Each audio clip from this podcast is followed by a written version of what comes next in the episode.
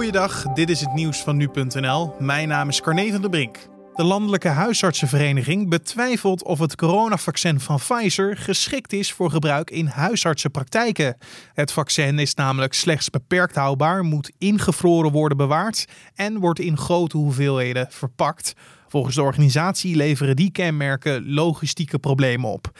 Minister De Jonge van Volksgezondheid snapt dat zorgpartijen en vakbonden bezorgd zijn over zijn plan om in de eerste week van januari te beginnen met vaccineren.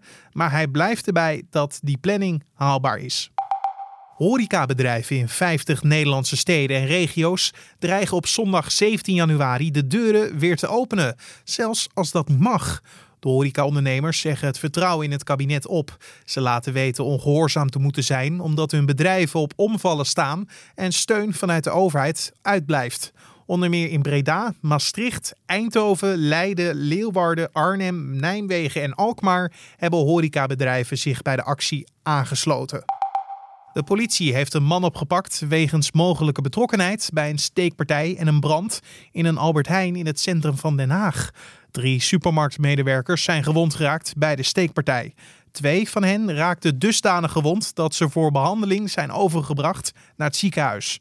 Rond 12 uur s middags werden de hulpdiensten gebeld en de brandweer kon de brand in de supermarkt snel blussen. Het vermoeden bestaat dat de verdachte bij beide incidenten betrokken is, zo meldt de politie. Het motief van de verdachte is niet bekend. De Oostenrijkse bondskanselier Sebastian Kurz heeft versoepelingen aangekondigd en een datum geprikt voor de opening van het skiseizoen in zijn land.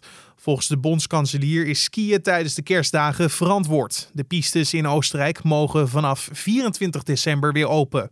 De Duitse bondskanselier Angela Merkel vroeg eerder tevergeefs om de pistes dit jaar gesloten te houden om de corona-uitbraak te remmen.